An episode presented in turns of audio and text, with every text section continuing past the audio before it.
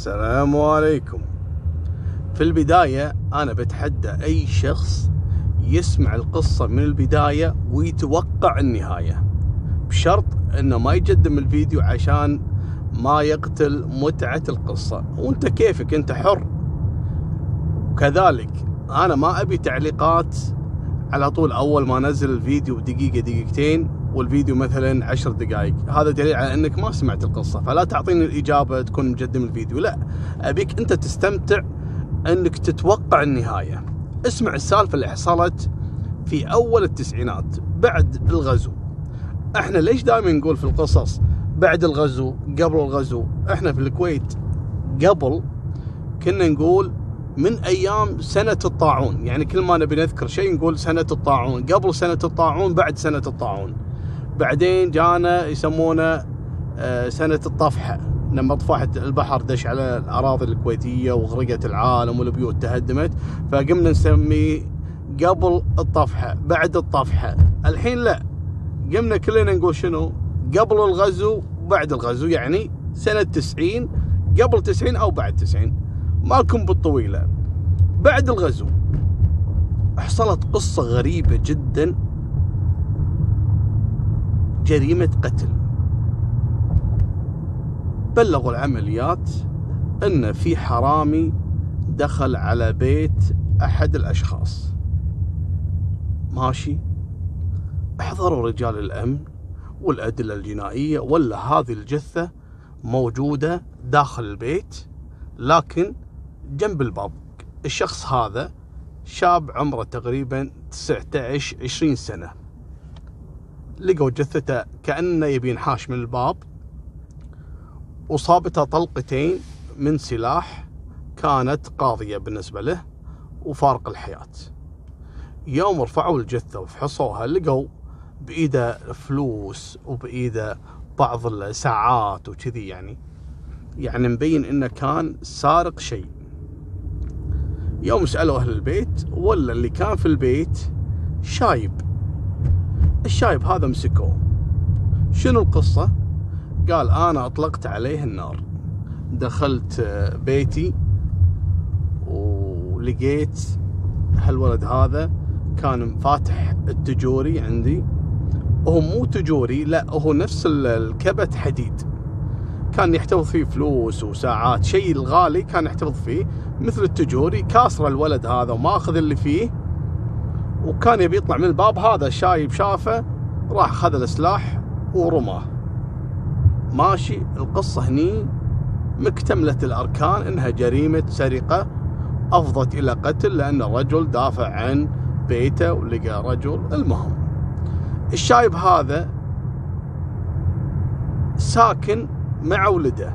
عنده ولده كذلك كبير وولده عنده أحفاد.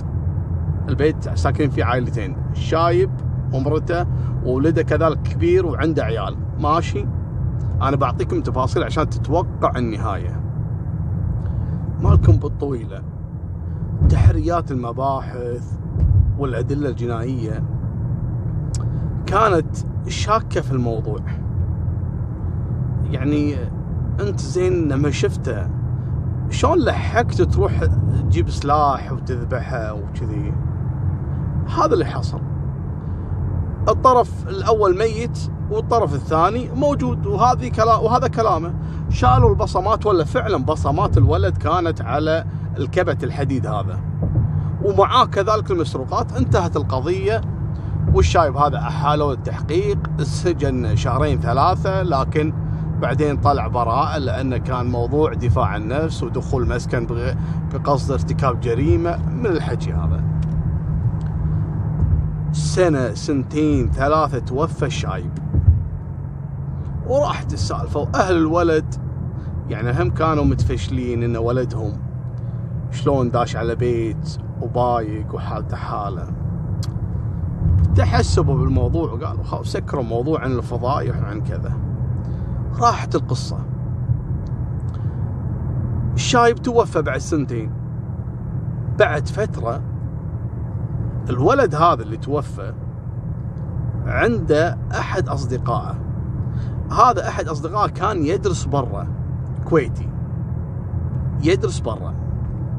والقاتل يبا خليني أقول لكم من غير محددي الجنسية ماشي. عنده صديقة كويتي يدرس برا الكويت. فكان لهم علاقة مع بعض يتصل عليه مرات على بيتهم هذا يعطي رقمه يتصل يعني كان متواصل وياه صديق الدراسة يعني. رجع للكويت بعد ثلاث أربع سنوات. فسأل عن صاحبه هذا اللي فقده ما قام يتصل عليه وتعرفون قبل يا الله واحد يدق تليفون أول التسعينات. فبعد ما رجع وقعد يتساءل وكذا قالوا له يا ابن الحلال صاحبك توفى من زمان.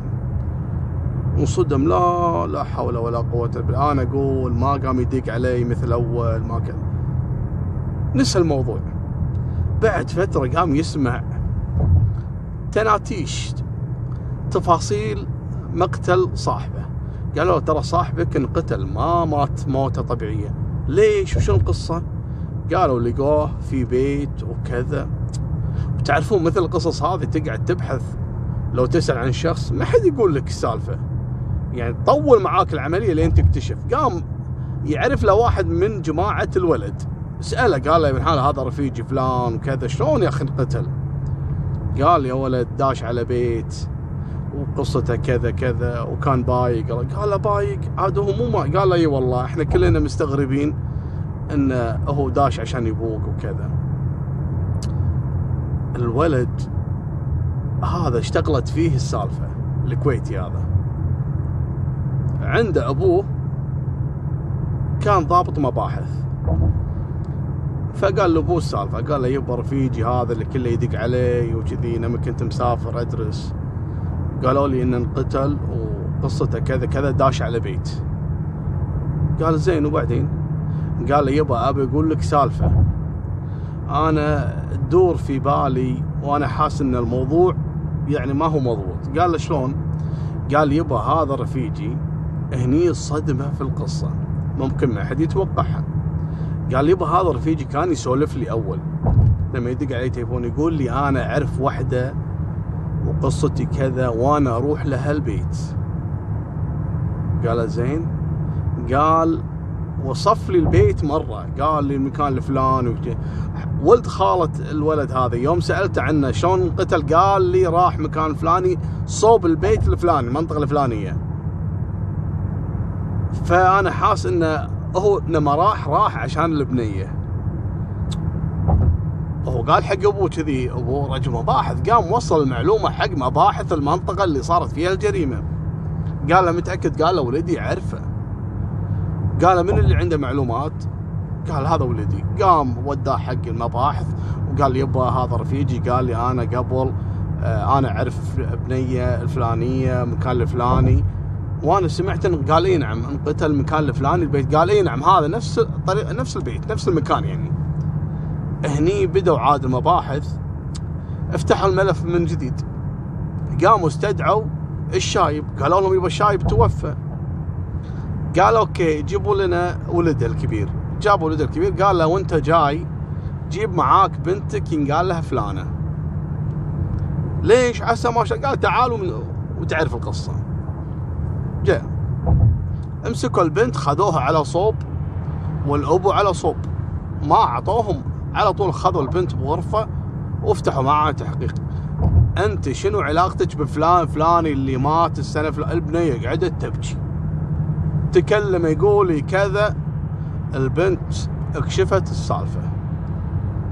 قال شنو؟ قالت يبا أنا يعني دائما أتصل عليه لأن أبوي يعني ما يكون بالبيت. عسكري ما يكون موجود في البيت ولا أمي و... وجدي ساكن معانا لكن جدي دائما في البر ورايح راد يعني ما فأتصل على صديق هذا الفلان اللي توفى أخليه يمرني البيت. متعودة على هالسالفة هذا رايح راد الولد. يوم الأيام يوم الأيام كان موجود الولد عندي داخل البيت. جدي على غير العادة دخل البيت. فحس إنه موجود شخص عندي بالغرفة. راح طلع سلاحه ودخل علينا بالغرفة واكتشف الموضوع. فقال له شوف أنا ما أبي منك شيء وأنا كنت حاضر القصة يعني. قال أنا ما راح أمد إيدي عليك ولا أقتلك ولا أسوي لك أي شيء. وكان بيده السلاح.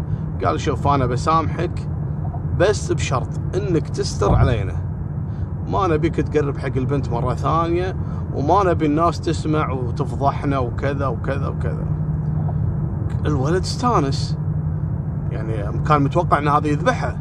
هذا يقول استر علينا. فقال الله يخليك قال لا, لا خلاص عمي أنا ما راح أتكلم وأنا صدقني أوعدك خلني أطلع وصدقني ما راح أتكلم. قال إيه الله يخليك تكفى. الشايب كان يترجى المقتول. فقال أوكي المقتول هذا صدق نفسه.